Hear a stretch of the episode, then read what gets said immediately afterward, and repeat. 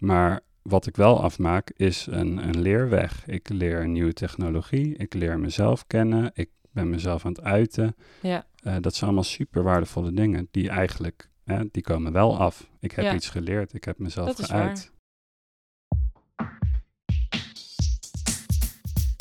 Hoi, leuk dat je luistert naar Jonge Wegen de podcast. Mijn naam is Annette en voor mij gaat het dit jaar gebeuren. Ik ga afstuderen. En hoewel het natuurlijk een feestelijke aangelegenheid is, brengt deze periode ook de nodige stress en vragen met zich mee. Is dit het moment waarop ik het allemaal uitgevogeld moet hebben? Wat wil ik nou eigenlijk? Wie ben ik nu eigenlijk? En ik heb wel een diploma, maar wat kan ik nu eigenlijk? Waarom voelt het alsof iedereen altijd weet wat hij aan het doen is en ik maar wat aanklungel? Hoe doen anderen dit? Om erachter te komen hoe anderen hun antwoorden vinden op deze en nog veel meer vragen, ga ik in gesprek. Ik spreek jongvolwassenen en bijna volwassenen die in hetzelfde schuitje zitten of zaten en er alle op hun eigen manier mee omgaan. In deze podcast praten we over keuzes maken, stappen zetten, erachter komen wat je wil en nog veel meer. Wil je niks missen? Volg me dan op Instagram via @jongewegen en abonneer je op de podcast. In deze aflevering spreek ik Maurits. Maurits was de allereerste gast die ik heb gevraagd of hij in een aflevering wilde komen en dat wilde hij. De aflevering is van opzet nog iets anders dan welke je al beluisterd hebt, want ik moest er nog een beetje inkomen. Maar het gaat nog steeds om Maurits zijn verhaal. Maurits heeft informatica gestudeerd en hij werkt nu als software engineer. Tijdens zijn studie was Maurits al een bezige bij. Hij deed mee aan meerdere hackathons en hij startte een eigen onderneming waarop hij ook zijn stage wilde lopen. En dat klinkt ingewikkeld. Dus hoe heeft hij dat aangepakt en wat zijn daarvan de voor- en nadelen? En dat stage lopen, zoals we ook bij Jan-Anne al hoorden, dat gaat niet altijd vanzelfsprekend van een leien dakje. Hoe werkt het bijvoorbeeld als je persoonlijke doelen wringen met je studie-eisen? En hoe en wanneer beslis je dat iets het toch niet helemaal is voor jou en dat je het genoeg hebt geprobeerd om te besluiten dat je ermee stopt? Ondernemen en zijn eigen projecten spelen een grote rol in Maurits zijn leven. En in dit gesprek deelt hij hoe hij een weg heeft gevonden om maximale vrijheid en minimale frustratie hiermee te ervaren. En dat heeft voor mij wel een beetje de ogen geopend.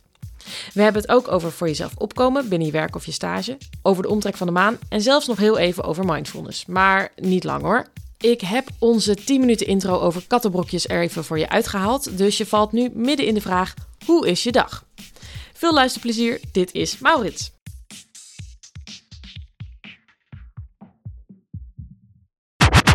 En eh, ik heb ook een 1 april grap uitgehaald vandaag, want het is natuurlijk 1 april. Oh ja, ik weet totaal nog niet wanneer we dit gaan uitzenden, maar het is nu, as we speak, 1 april. Klopt. Ehm, Vertel.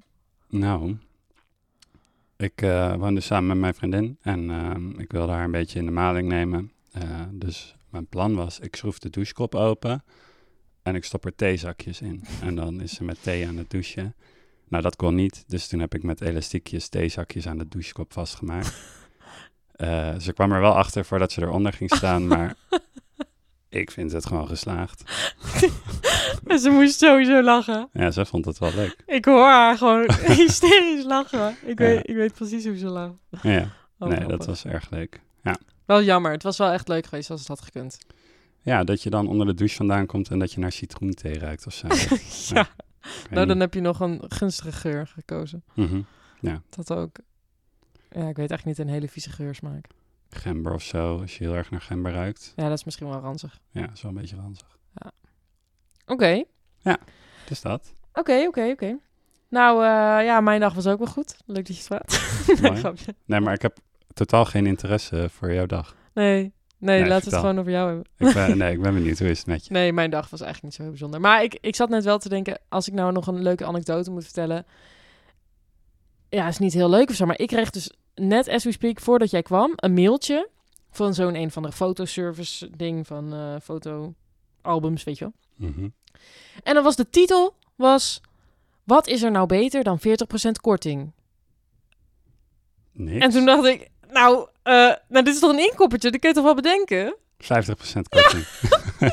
ik vond het zo'n domme titel. Als er Ja. dan stond, wat is er beter dan korting? Ja, niemand vindt beter, iets beter dan korting. Gratis. Ja, ja oké, dat is nog beter. Maar wat is er beter dan 40% korting? Ik, ik snap het niet. Maar goed, Ik snap dat je het niet snapte. ik vond het een bijzondere mail. Ja. Afijn. Nou, goed om te horen dat we Ja. allebei een goede dag hadden. Dat is mooi. Hey, ehm, jij bent bij, eh, je bent de eerste gast van eh Jonge Wegen de podcast. Ja, hartstikke Ehm, leuk. Wie ben jij en wat doe jij? Mijn naam is Maurits en ik ben 24 jaar oud. Ehm, ik ben momenteel aan het werk als een softwareontwikkelaar. Ehm, dat doe ik via een detacheringsbureau. Sorry, even tussendoor. Ik dacht dat jij al 25 was. Nee, dat is over drie maanden pas. Ik ben echt Oh. nog super jong Ik eigenlijk. ben echt in de war. Jeetje. Excuus, ik over onderbreek je. Detacheringsbureau, je bent aan het werk bij een detacheringsbureau. Ik ben dus aan het werk bij een detacheringsbureau en nou, via dat bureau, dat is een soort uitzendbureau, eh, werk ik dan ehm, voor een eh, groot bedrijf eh, waar ik software ontwikkel. En zelf heb ik ook een onderneming, eentje die ik met twee anderen gestart ben. Dat heet Sprekend de Buurt. En wij hebben eigenlijk als missie om mensen in de wijk eh, wat meer met elkaar in contact te brengen. Ehm, Dat en, hebben eh, jullie helemaal zelf opgestart. ja, zij zijn eh, in eerste instantie degene die het idee bedacht hebben. En omdat ik, eh, nou, ik, ik vind het een heel gaaf idee en ik kan programmeren, dus ik ben Ja. er een beetje bijgekomen als eh, ontwikkelaar. Maar nu zitten we er alle drie eh, evenredig eh, Ja, in, in. eigenlijk. Ja. Tof. Hey, twee hele grote dingen. Als we, als we eerst even ingaan op waar je nu in loondienst bent, Mhm. eh, bij een softwarebedrijf. Je hebt eh, een studie afgerond eh, in de software engineering. Die studie heet software engineering, toch? Informatica heet Oh. de studie. Ja, maar het is, ik zou het, je had het ook software engineering kunnen noemen wat mij betreft. Dat Ja, is equal. Maar we gaan natuurlijk naar een internationale samenleving. Dus hè. Precies, ja. Ehm, als je terugkijkt op die studie, dat is nu twee, drie jaar geleden ben je afgestudeerd, denk ik. Ja, twee jaar ongeveer. Hoe heb je, hoe heb je je studie ervaren? Ehm, nou, heel interessant. Ik heb natuurlijk gewoon eh, veel concrete dingen geleerd. Van eh, hè, hoe, hoe moet je eh, iets doen met databases? Of hoe moet je een stukje code schrijven? Of hoe moet je, voordat je code gaat schrijven, iets designen? Mhm. iets technisch. Ehm, maar ik heb ook heel veel mogelijkheden gekregen. Mogelijkheden om dingen te doen naast mijn studie. Om naar conferenties te gaan. Eh, om eh, nou ja, om mijn eigen bedrijf te beginnen eh, destijds. Was dat mogelijk in de zin dat je weinig studieuren had? Of, of omdat ze je daar echt op voor aanmoedigden? Er was altijd aanmoediging, Mhm. maar er waren allemaal extracurriculaire paden die je in kon slaan. oh, Je echt? kon ehm, excellentiesterren halen. Dat kon je doen via een traject waar je gewoon extra vakken kreeg, maar je kon ook je eigen invulling geven. Ehm, maar dat heb ik toen dus gedaan. Dus ik heb aan meerdere hackathons meegedaan, eh, maar ook eh, aan wat langere projecten buiten mijn studie om. En ik denk dat dat heel waardevol is geweest. Ik heb daar eh, nou, heel veel geleerd over hoe dingen in de echte wereld gaan. Mhm. In plaats van, nou ja, soms moesten we code schrijven op een papiertje in plaats van op de computer. Dat, daar heb ik niet, niet zo heel veel aan gehad, vergeleken met al die activiteiten naast de studie.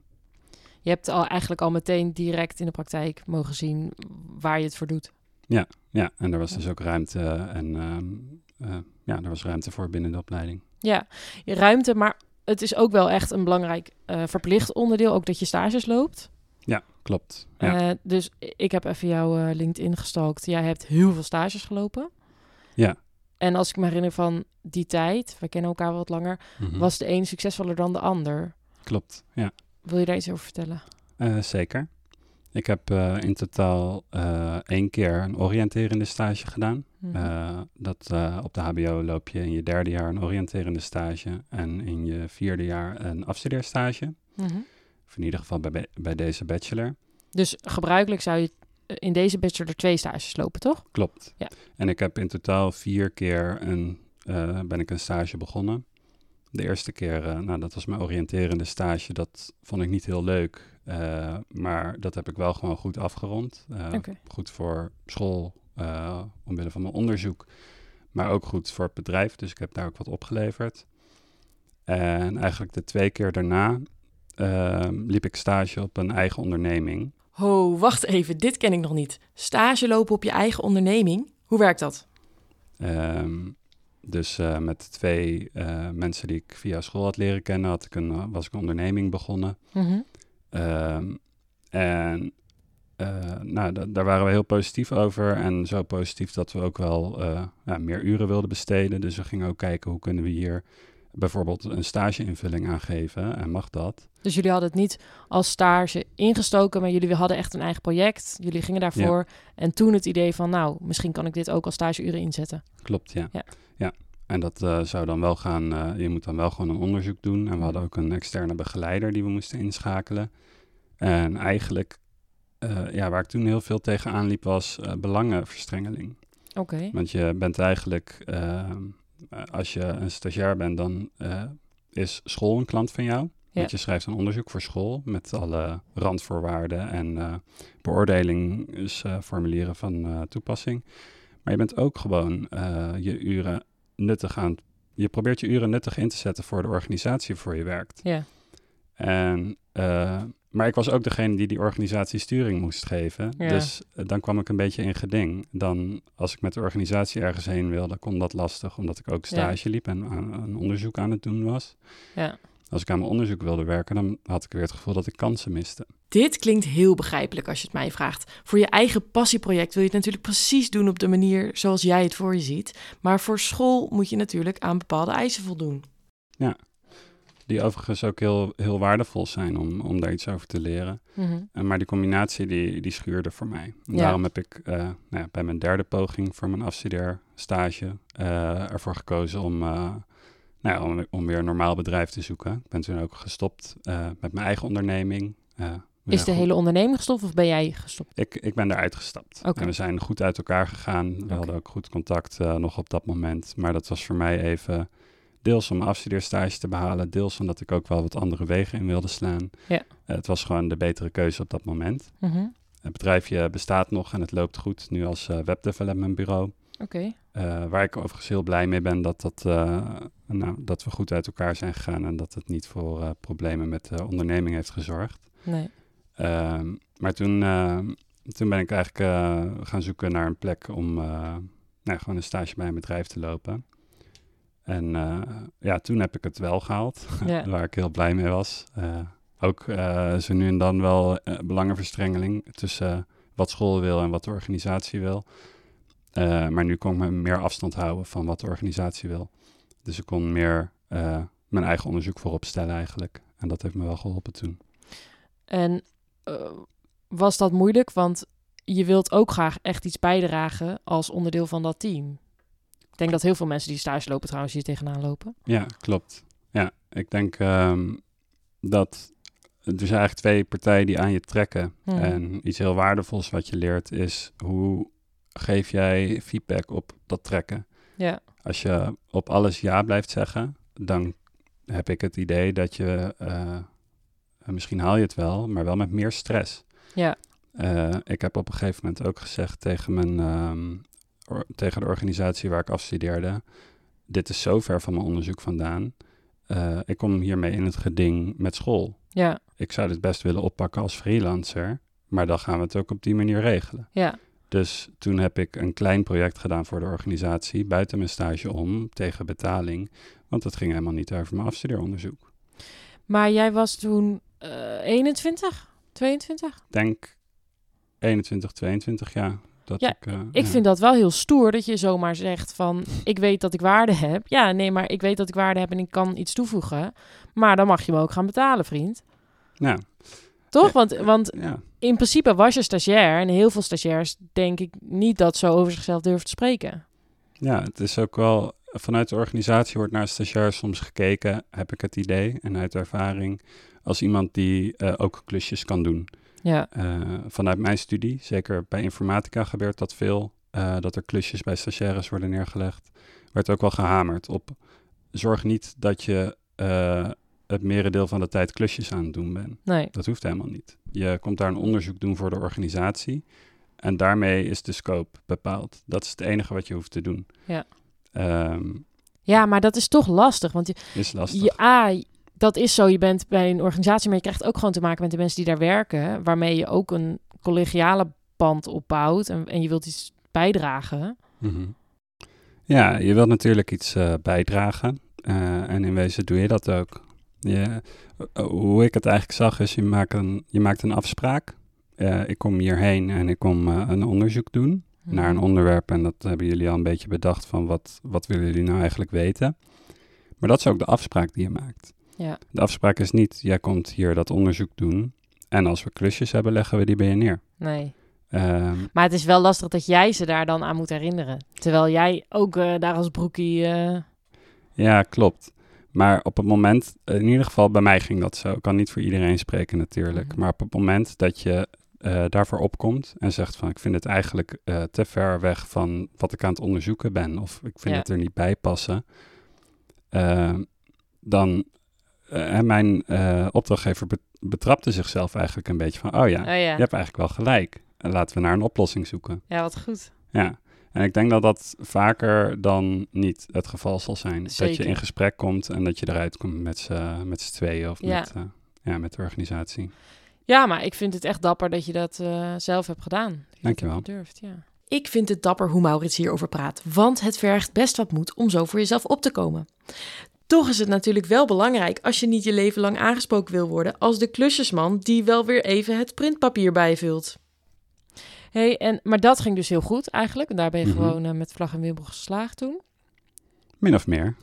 je bent geslaagd. ik ben geslaagd. hey, dat is heel fijn. Nog Mhm. even terug naar eh, jouw eerdere bedrijfje. Want je, je zei het eigenlijk al, gewoon van ik ben daar toen eh, opgestapt en dat is in goede harmonie gegaan. Mhm. Maar wanneer weet je dan, dit is het moment, dit werkt toch echt niet voor mij? Want ik kan me voorstellen dat je het niet van de een op de andere besluit.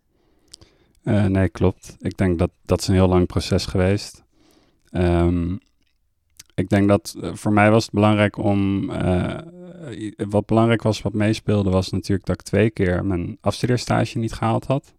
Door de manier waarop ik het aanvloog bij mijn Maar eigen. dan, ik ben even, I lost count. Want die van je eigen bedrijfje en daarvoor was er nog één, of niet? Ja, ik had een oriënterende stage. Die heb ik gewoon gehaald. Ja. Toen heb ik twee keer geprobeerd af te studeren op mijn eigen bedrijf. Oh, twee keer. Ja. Oké, sorry. en daarna het was. eh, bij het bedrijf waar we het net over hadden. Want je hebt zeg maar steeds zo'n half jaar waarin je dat moet doen. Dat klopt, ja. Oké, Ja. en toen dat was de eerste keer niet gelukt. Dan Mhm. probeer je het nog een half jaar. Ja. Oké, nou heb ik hem helder. Klopt. Ja. Ehm, maar goed, ik was dus al twee keer eh, nou ja, gezakt op mijn afstuderen bij mijn eigen bedrijf. Ja. Dat speelde heel erg mee om hè, mijn focus te verleggen van hoe kan ik nou die studie afronden. Ja. Want dat wilde ik natuurlijk heel graag. Ja. Eh, maar een ander aspect was ook eh, dat je op het moment dat je midden ergens in zit, dan maak je keuzes die op dat moment het beste lijken natuurlijk. Ja. Ehm, en op dat moment leek ze ook het beste. We gingen in plaats van het doen waar we passie voor hadden, het- dat was echt een passieproject, gingen we ook steeds meer doen voor klanten. Want zij wilden betalen voor wat wij konden leveren. Ja. Nou, dat is tof. eh, hè? Dus er zijn bedrijven die jou ergens goed in vinden en vragen of je dat voor hen ook wil doen. Ja. Eh, destijds dachten we, yes, yes, dat is eh, super nice. En Ja. ehm, dat hebben we ook nodig als organisatie. Maar verloren wel een beetje ons passieproject uit het oog. ja, is dat zo? Ehm, Gaat dat moeilijk hand in hand? Voor ons ging dat destijds wel moeilijk hand in hand. Ja. Dus als je een project hebt liggen waar je geld mee kan verdienen en waar een klant eh, van je vraagt van kan dat voor dan af zijn, Ja. eh, dan ga ik mijn uren daaraan besteden en niet aan het project wat nog niet af is, geen deadline heeft Ja. en eh, nou, waar je wel passie voor hebt, maar jij bent de enige die er op dat moment ja, een soort van naar vraagt. Ja. Dus we gingen eigenlijk steeds meer doen voor klanten. We werden een beetje een webdevelopment bureau en dat was achteraf gezien dan niet de kant eh, die ik op wilde. Ja. Dus zodoende, die twee redenen. Ook dit is denk ik heel herkenbaar voor zowel studenten als mensen die werken. Zodra je ontdekt dat je iets kan doen of maken waarmee je iets kan verdienen, dan kan dat geld en die waardering zo'n dopaminekick geven, waardoor je dat alleen maar vaker en meer wil. Dat maakt echter dat je soms je eigen grotere doel een beetje uit het oog kan verliezen. Terug naar Maurits. Wanneer wist hij, dit is het moment dat ik hiermee moet stoppen? Wanneer weet je dat voor jezelf? Ja, dat is een, eh, een goede vraag. Nou ja, iets wat mijn eh, oma altijd zei was: ehm, je moet ergens eh, alle seizoen, of je moet alle seizoenen bij een partner geweest zijn voordat je kan trouwen. Ehm, en na vier seizoenen, dus na een jaar, het idee te hebben van dit, dit loopt niet helemaal lekker voor mij. Of ik haal hier niet alle energie uit die ik wil. Of ik kom niet eh, even energiek mijn bed uit als vroeger. Eh, dat was voor mij eigenlijk eh, een soort van de druppel. Ik dacht, ik ben eigenlijk gewoon niet heel gelukkig met wat ik op het moment aan het doen ben. Ja, Ja. En je kan dat niet concluderen. Ik vind het wel mooi wat ze zegt. Je kan het niet concluderen na drie grijze wintermaanden. Mhm. Eh, want dan kan het ook de omstandigheden zijn geweest. Maar als je dan ziet, hè, ik zie het ook terug in die andere periodes, dat Ja. het me niet gelukkig maakt. Mhm. Dat was voor jou het signaal om te denken, hé, hey, ik heb er genoeg moeite in gestoken en het geeft me toch echt niet Ja. wat ik eruit wil halen. Klopt. Ja. Ja. ja. precies. Mooi. Klopt. Wijze, wijze oma heb je. Een hele wijze oma had ik, ja. Grappig. hey, ehm, daar nog heel even daarover terug. Ja. Ehm, heb je gevoelens gehad van falen daarna? Oh, zeker. Ik had eh, daar ook veel last van. Eh, sowieso al na de eerste keer dat mijn afstudeerstage niet gelukt was. Dat is wel Mhm. echt een klap. Ja. Eh, want het is heel zwart op wit. Je haalt het wel of je haalt het niet. Ja. En om je heen, de meeste van je studiegenoten halen het wel. Ja. En dan heb je het gevoel dat je achterblijft. Of het gevoel dat je dingen anders had moeten doen of aan moeten pakken. Dat is wel echt het gevoel van falen, denk ik. En is dat extra omdat het je eigen bedrijf was? Waardoor, waar, ik zou me kunnen voorstellen dat je nog meer denkt: dit had ik volledig in eigen hand. Dus ik had het volledig zelf kunnen doen. Ja, zeker. Het is minder een samenspel tussen eh, hè, de onderneming wilde dit van mij en dat Precies. paste niet, dus heb ik het niet gehaald. Je kan niet Het lekker is- bashen op je werkgever, zeg maar. Ja, ja, dat is wel confronterend. Ja, Dus ik ben mezelf ook goed tegengekomen in die periode. ja. Eh, maar ik heb ook veel over mezelf geleerd in die periode. Mhm. Wat Ja. heb je daaruit meegenomen? Ik heb eh, meegenomen dat. Nou, ik vind het heel belangrijk om dingen te doen. ehm, o- om, om sturing te hebben. En of ik die nou zelf aanbreng of dat dat extern gebeurt. eh, als ik eh, een beetje zoekende ben, dan blijf ik vaak ook zoekende. Dat Ja. is iets wat ik graag snel oplos. Dus de, de zoekendheid in ga ik de goede kant op. Ja. Kon niet aan de organisatie vragen, ga ik de goede kant op? Dat moest Nee. ik zelf bepalen. Dat was wel lastig. Maar tegelijkertijd zeg je bijvoorbeeld met die klant. Enerzijds was er daardoor sturing. eh, m- nog even terug over dat bedrijf. Er was Mhm. sturing, want eh, iemand wenste iets van jou. En dat was waarschijnlijk een duidelijk gekaderde opdracht. Maar het was ook wel lastig dat je daardoor niet meer volledige vrijheid had om te doen met je bedrijf wat je wilde.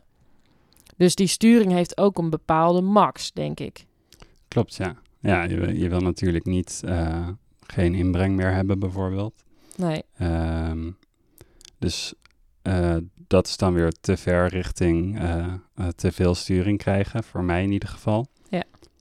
Maar een mooie balans is dat een bedrijf een, een vraagstuk had. Dat is een beetje ook het verhaal van mijn afstuderen. Een vraagstuk en aan jou vragen van...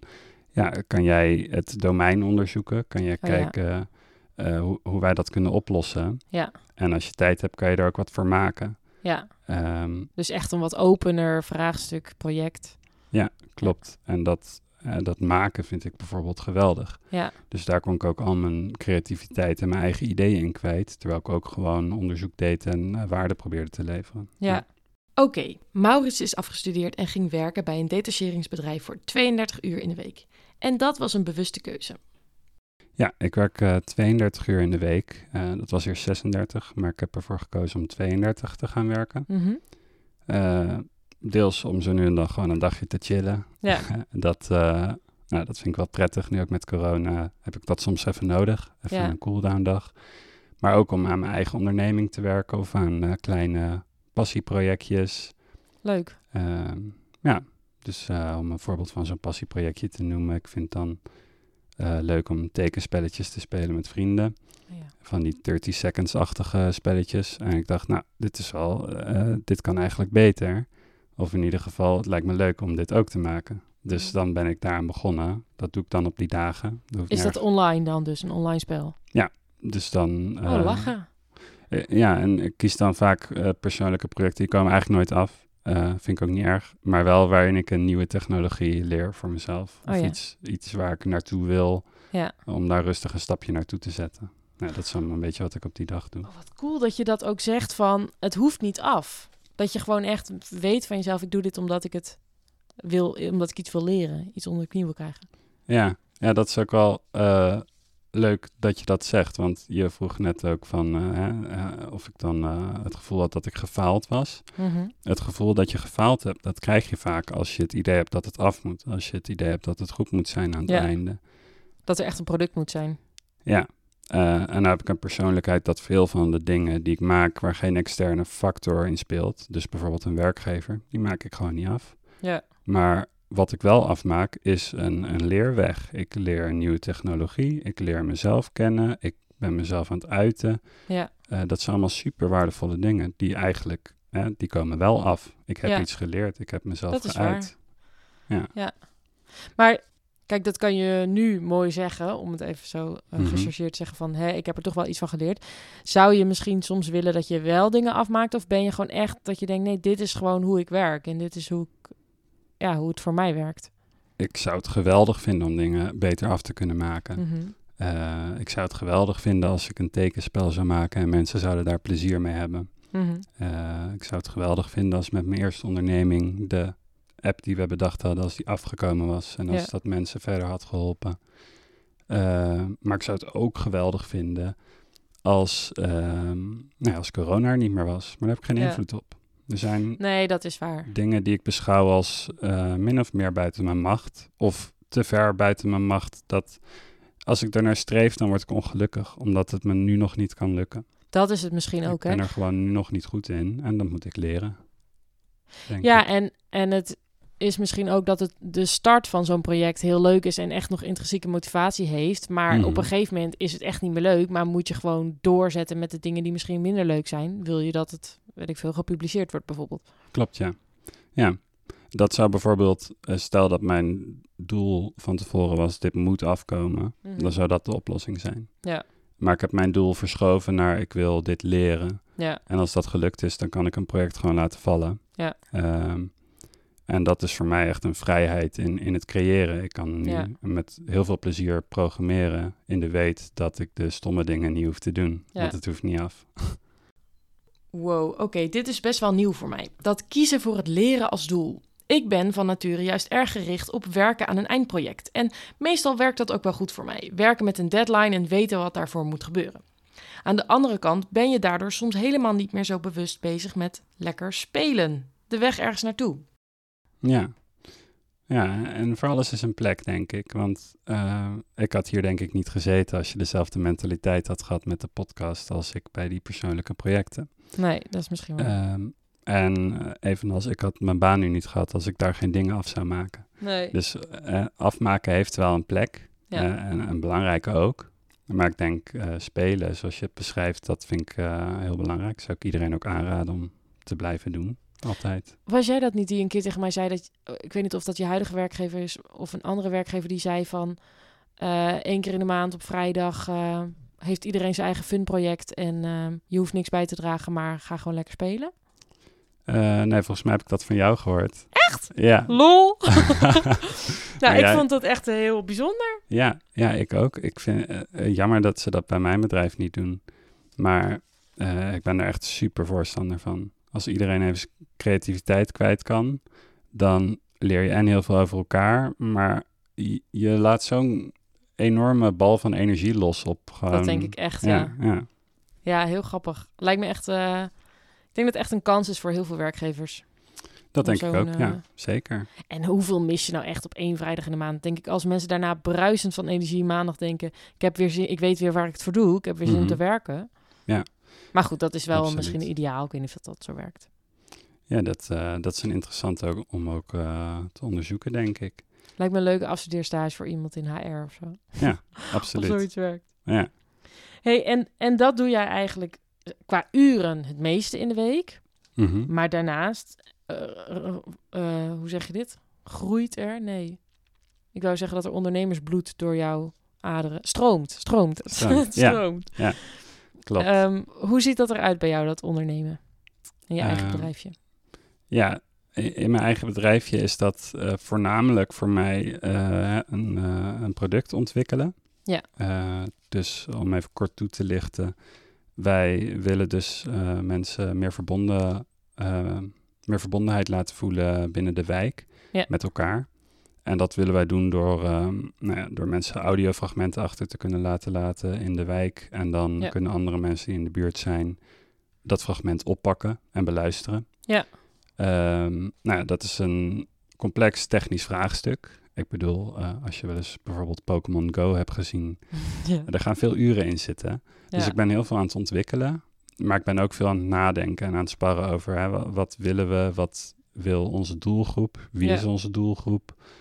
Ehm, eh, zijn er, waarom zijn er geen andere bedrijven die dit doen en wie komt er wel in de buurt van eh, deze visie en eh, kunnen we samen niet wat doen of Ja. kunnen we niet wat leren van die bedrijven? Echt Eh, alle facetten van het ondernemen, als ik het ja. zo hoor.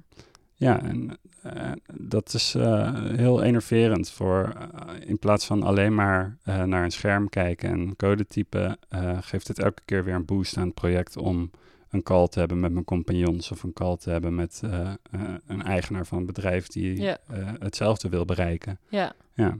je voelt dat je daarin echt zelf de spin in het web bent. ja, klopt. Ja, Ja, zeker. Tof. En je hebt ervoor gekozen om dus het grootste deel van de tijd in loondienst te zijn. Mhm. Is dat een financiële keuze met name? Of heb je daar andere motieven voor? Ja, ik denk dat het grootste deel financieel is. Mhm. Eh, als ik nu een onderneming zou hebben die geld in het laadje zou brengen, genoeg voor mij om daar fulltime aan te werken, dan zou ik daar denk ik voor kiezen. Ja? Ehm, maar mijn vaste baan biedt mij ook heel veel. Dus ik eh, Mhm. heb zekerheid op mijn salaris, Ja. waardoor ik dus meer vrijheid heb om, eh, laten we zeggen, spannende dingen te doen met mijn eigen onderneming. Ja. Want mijn leven hangt er niet vanaf op het moment. Ja. Dus ik kan veel experimenteren. Ik kan, eh, als ik het eh, lastig heb, iets minder aan de onderneming werken. Ehm, En bedoel je met spannend ook financieel dat je eh, investeringen durft te maken? Of probeer je dat wel zo min mogelijk te doen? Nou, investeringen hebben we gelukkig niet hoeven maken, omdat er een, eh, een partij is die ons eh, wat funding heeft gegeven. Oh, wat tof. Eh, dus dat is echt heel tof en daar zijn we super dankbaar voor. Heel leuk. Eh, dat haalt die druk wel een beetje weg. maar ik Zeker, bedoel ja. meer spannende dingen als in, we hoeven niet naar het geld toe te lopen met de organisatie. Nee. We kunnen een pilot doen van een maand in een wijk en dan eh, het enige wat we eraan verdienen is de bevindingen, de, Oh ja. de verhalen die mensen vertellen en de feedback die we horen. Ja. Alleen maar zodat wij nou, een stapje dichter bij onze missie kunnen zetten en eh, dat stapje niet hoeven te zetten richting sustainability, omdat we er zelf van moeten leven. Hm. Ja. Ja. Eh, en daarbij, ik denk dat het ook wel goed is voor mijn carrière om voor verschillende klanten of voor verschillende werkgevers eh, gewerkt te hebben. Mhm. Dus dat is ook wel een aspect dat ik het belangrijk vind om, om ervaring op te doen, om ook eh, aantoonbaar ervaring op te doen. Dat, eh, Ja. dat je bijvoorbeeld bij een grote organisatie werkt. Ik denk dat Ja. dat ook spreekt op je cv, anders dan Zeker. ik heb alleen een eigen bedrijf gehad. Zeker. Dus ergens is het ook een tactische zet? Of is dat een beetje bijzaak gewoon van hoe de situatie nu is? Ja, ik denk dat het komt best wel veel uit, denk ik, ook op zekerheid. Dus Ja. als mijn cv beter wordt, dan heb ik ook zekerheid om eh, aangenomen te worden als ik straks eh, een nieuwe baan moet zoeken of Ja. dergelijk.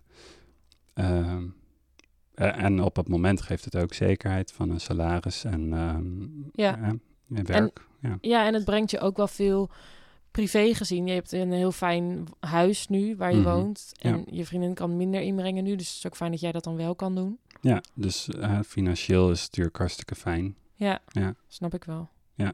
ja, maar het klinkt ook niet alsof je zeg maar 32 uur eh, aan het bikkelen en aan het treuren bent. Mhm. Eh, ergens haal je ook wel iets uit je werk, toch? Klopt. Ja, inherent aan, of eigenlijk alle dingen waar ik wat van leer, vind ik best leuk. Ehm, sommige dingen waar ik wat van leer, wat minder. Maar zolang ik overal eh, blijf groeien en blijf leren, eh, ja, word ik daar wel wakker voor. Ik vind dat wel leuk. Ja. Eh, dat geeft mij wel energie als ik denk van, oh, eh, dit heb ik niet zo handig gedaan. Hoe kan Mhm. ik dat in het vervolg beter doen? Eh, dat geeft me wel energie en dat, eh, nou ja, eh, dus dat is één ding. Ja. En het andere ding is, ik vind het heel leuk om dingen te maken. Eh, en nou ja, ik ben softwareontwikkelaar. Klinkt heel technisch, maar je bent ook gewoon creatief bezig met hoe los ik een probleem op? Hoe schrijf ik, eh, Hoe bouw ik? De, hoe bouw ik dit stuk zodat het sneller of beter werkt voor mijn klant? Ja. Denk aan een sudoku, is leuk, omdat je iets aan het oplossen bent. Ja. Eh, en je bent je brein aan het werk aan het zetten. Dat zijn allemaal dingen die ik bij werk ook gewoon heel fijn kan doen. Ja. Ja. Ja, het is grappig, want ik vind inderdaad, ik kom helemaal niet uit die hoek, maar software Mhm. engineering echt best wel een beetje eng klinken bijna. Maar zoals je het nu zegt, is het eigenlijk ook gewoon een soort van bouwen. Ja, ja hoe ik het wel eens eh, beschrijf, is eh, als een soort eh, Lego, maar dan met meer mogelijkheden. Ja. Als kind bouwde ik heel veel met Lego en nu eh, heb ik gewoon meer blokken om mee te bouwen. Ja. Meer mogelijkheden. Alle om- kleurtjes die je... Ja, precies. Hey, nog even terug op, ehm, je houdt heel erg veel van nieuwe dingen leren, dat iets nieuw is. Is dat ook een beetje de reden waarom je eh, binnen de detachering bent begonnen? Omdat je daar vaak eh, kortdurende projecten hebt? Ja, eh, het is tweezijdig. Dus de eerste reden heb je helemaal goed. Ik Mhm. vind het leuk om veel verschillende projecten te zien. Ja. veel verschillende keukens te kijken. Ja.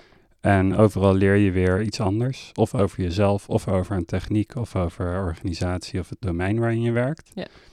Ehm, maar anderzijds denk ik ook dat het belangrijk is, eh, of dat vind ik belangrijk, om een beetje een gevarieerd cv te hebben. Ja. Niet per se eh, om later meer te verdienen, maar meer om meer mogelijkheden te hebben. Ja. Als je alleen maar voor eh, hele specifieke grote organisaties werkt, dan heb ik in ieder geval nu het gevoel dat je moeilijker van dat pad afkomt later. Eh, ja, dat snap ik wel. Dus vandaar dat ik detachering wel een ja, een charmante optie vond. Zeker. Ja. Het is mooi dat het bestaat. Mhm.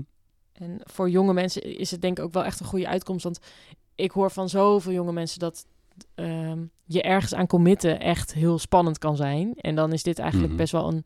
Je hebt wel een baan, maar je weet ook dat er binnenkort weer iets nieuws komt. Of zo. Ja, vanuit die hoek eh, is het natuurlijk eh, heel fijn. Ja. Ja. zo ervaar ik dat ook. Hey, ehm, ik heb wel zin in even een eh, rubriekje Pickwick Praat. Nou, ik Wat jij? ook. Ja. Pickwick Praat. Pickwick Praat. Een praatje over het Pickwick blaadje. Ik ga hem eh, nu openmaken. Wie zou je meenemen naar de maan? Oh jee. Dat Nou, is een goede bring it vraag. Ehm, ja, het makkelijke antwoord is natuurlijk mijn vriendin. En dat is ook mijn eh, final answer. Maar ik moet er wel bij zeggen, eh, het is niet zo'n hele slimme keuze. Ik kan beter bijvoorbeeld iemand meenemen die voor NASA werkt, voor bijvoorbeeld eh, sustainable living of zo. Oh ja. Eh, want ik wil best langer overleven dan een paar seconden Ja, of een paar minuten. En dan neem ik dus misschien, ja, zou het wel handig zijn om iemand mee te nemen die daar een soort van sustainable living space kan bouwen. als je Maar- zo bekijkt is je vriendin eigenlijk wel heel erg waardeloos. Eh, nee, dat ga ik natuurlijk nooit zeggen. Sorry. Nee.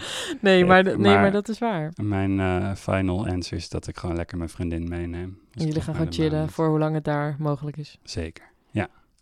Nice. En jij? Ja, ik weet niet man. De maan. Ik, ik zou het wel spannend vinden eigenlijk. Volgens mij is er helemaal niks. Echt wel? We hebben allemaal stenen, Kraters. kraters, een vlag, volgens mij. Ja, zou die er nog staan? Ik denk het wel. Ik vind het zo bizar dat... Hoe lang staat hij er al? Lang? ja, Ik weet dat niet. allebei. Nee, De Amerikaanse of de Russische? Nee, Amerikaanse. Amerikaanse vlag. Ja. Ja, heel goed Annette. In 1969 is een Amerikaanse vlag op de maan geplant. En ja, hij staat er nog, maar niet meer helemaal recht omhoog. Maar, ik weet niet hoe groot de maan is, maar is het mogelijk, stel je wordt aan de verkeerde kant van de maan gedropt. Echt pontificaal, recht aan de andere kant van die vlag. Is het mogelijk om daar naartoe te lopen? Ik ga uit van nee. Is het zeg maar vergelijkbaar met de wereld? Nee, het is wel een stuk kleiner dan de wereld. Maar eh, de wereld is eh, volgens mij iets van eh, ruim 40.000 kilometer in omtrek. Mhm. Eh, dat is best veel om te lopen. Ja, maar dan zou je dus de helft moeten, hè? 20.000. Als je aan de andere kant wordt gedropt.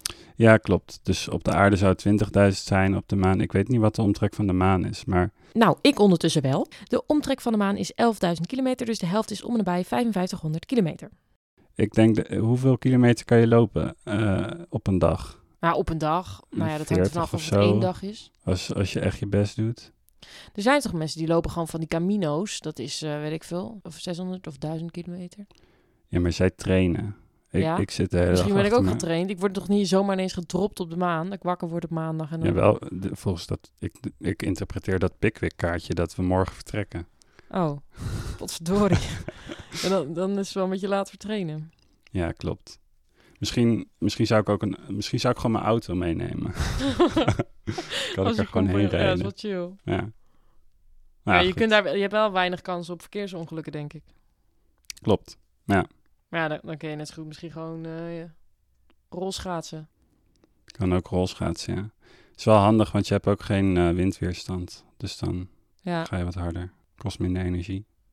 ja, ik denk ook dat ik uiteindelijk wel voor een goede vriendin of mijn vriend ga. Maar ik kan ook wel weer van die handige antwoorden gaan. Het lijkt me ook heel chill als je iemand, de eigenaar van de IKEA, met al zijn inboedel, en kun je daar gewoon een heel leven op gaan bouwen.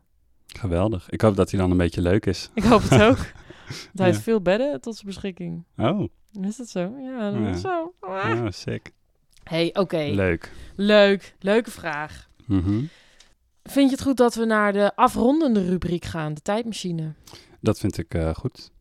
De tijdmachine. Hier, hier komt dan zo'n zo'n geluidje. Oh, Dat ga ik vet. nog maken. Tijdmachine. Cool. Ehm, de eerste vraag van de tijdmachine luidt... Hoe dacht jij toen je klein was over de toekomst? Of wat wilde jij vroeger worden? Echt als eh klein kind eh, wilde ik eh, bakker worden. Banketbakker. Wow.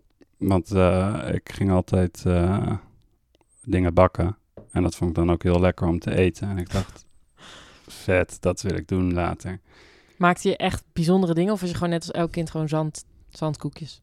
Nee, wel eh, van, zo, ik weet niet, allemaal niet meer hoe dat heet. Maar iets Zweeds is dat volgens mij. Dat je zo'n rol hebt met daarin Oh. dan eh, iets van room. En daarin weer iets van zelfgemaakte jam. Oh, ja. En dan kan je van die plakjes maken. Of eh, ja, taarten met meerdere lagen, spekkoek. Zo. Dat waren allemaal wel.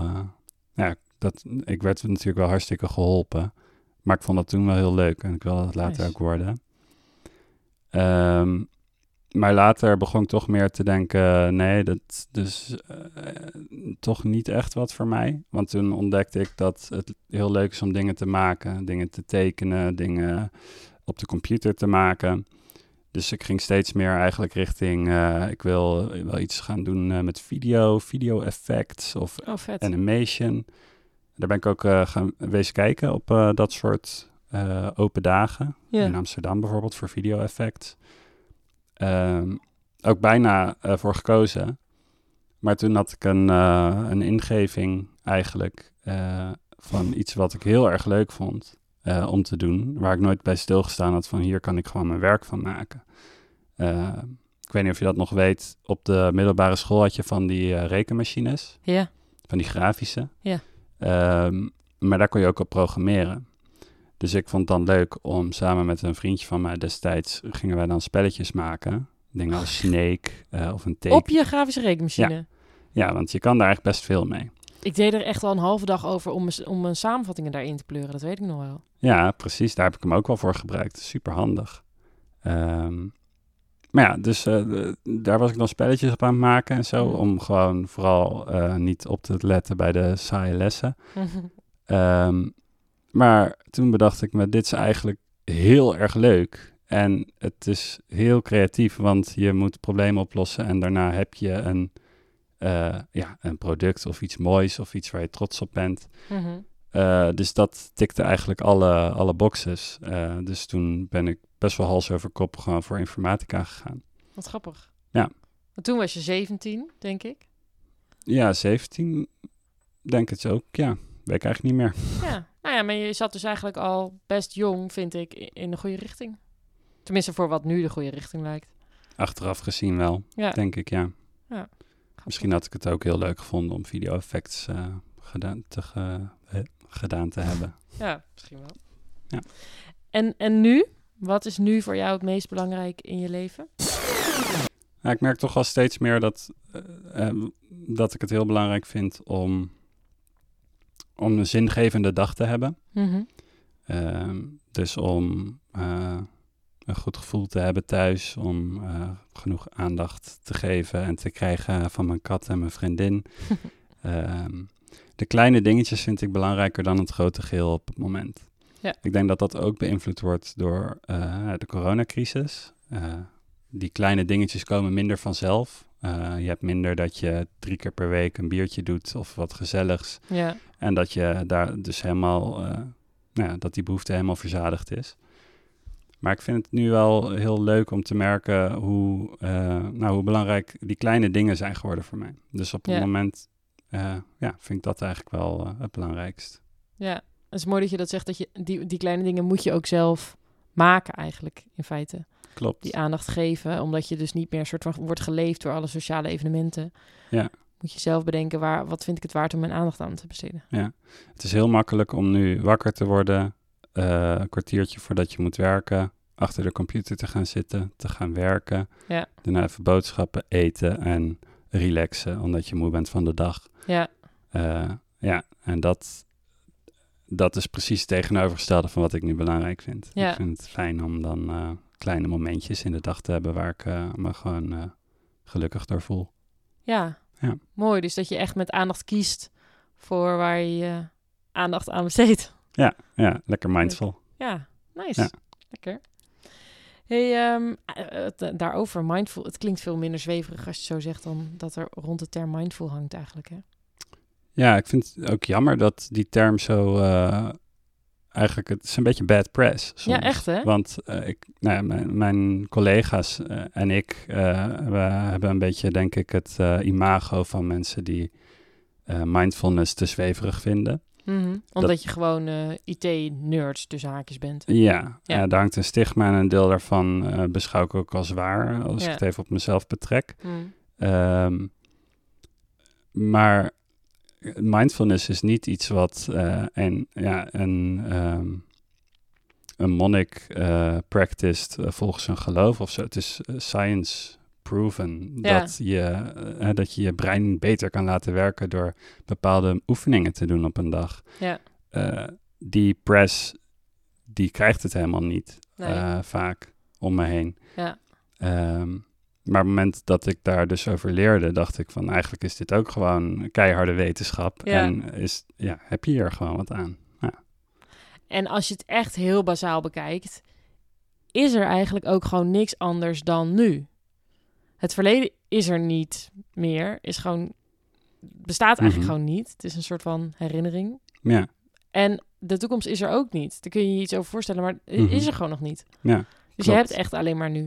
Ja, je hebt alleen maar nu. En als je je nu eh, constant besteedt aan hoe het ging en hoe je wil dat het gaat, eh, dan ben je op geen enkel moment nu. aan het genieten van het nu. ja. ja. Eigenlijk hadden we de podcast over mindfulness moeten laten gaan. Ja. We kunnen er al nog een doen.